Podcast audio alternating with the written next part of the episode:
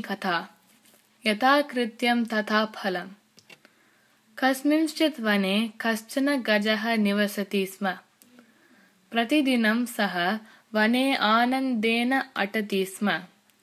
एकदा अटनावसरे कस्यचित् वृक्षस्य उपरि उपविश्य फलं खादन्तं वानरं सः दृष्टवान्। वानरः अपि गजं दृष्ट्वा कानिचित् फलानि त्रोटयित्वा अधः पातितवान्। गजः तानि स्वादूनि फलानि खादित्वा महान्तम् आनन्दम् अनुभूतवान्। क्रमेण तयोः मैत्री गाढा अभवत्।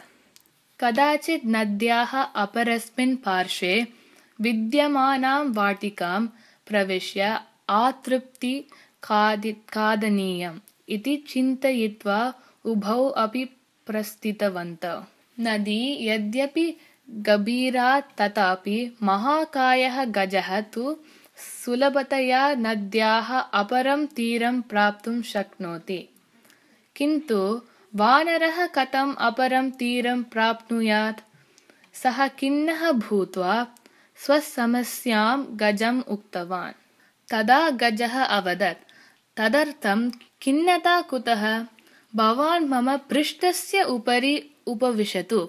अहं भवन्तम् अपरं तीरं प्रापा प्रापयिष्यामि इति। वानरः एतत् अङ्गीकृतवान्।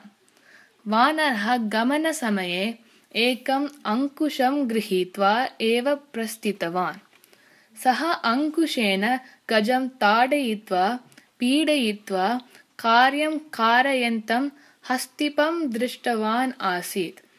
यदा गजः नद्यां किञ्चिद्दूरं गतवान् तदा वानरः हस्तिपः इव अङ्कुशेन गजं पीडयितुम् उद्युक्तः अभवत्। गजः वेदनया मित्र किमर्थम् एवं कुर्वन् अस्ति भवान्? इति पृष्टवान्। तदा वानरः अङ्कुशेन भवान् ताडनीयः इति इच्छा इदानीं मयि जागर्ति।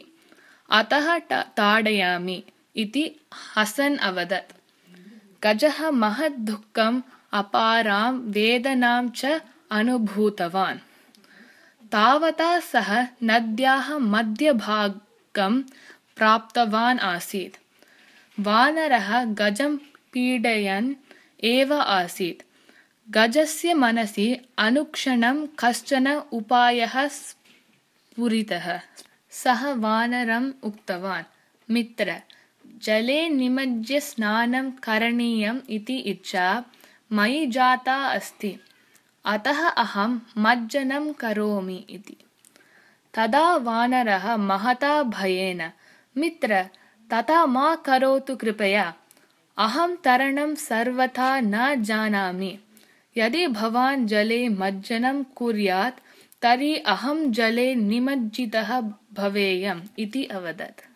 एतत् श्रुत्वा गजः कोपेन भवान् मित्रद्रोही कमपि अपराधम् अकृतवन्तं माम् एतावत् पर्यन्तं भवान् अङ्कुशेन पीडितवान्। भवादृशानां मरणम् एव वरम् इति वदन् जले निमग्नः अभवत् वानरः स्वस्य दोषस्य निमित्तं समीचीनं दण्डनं प्राप्तवान्। जले निमज्जनेन अचिरात् एव मरणं प्राप्तवान् सः दुष्टः वानरः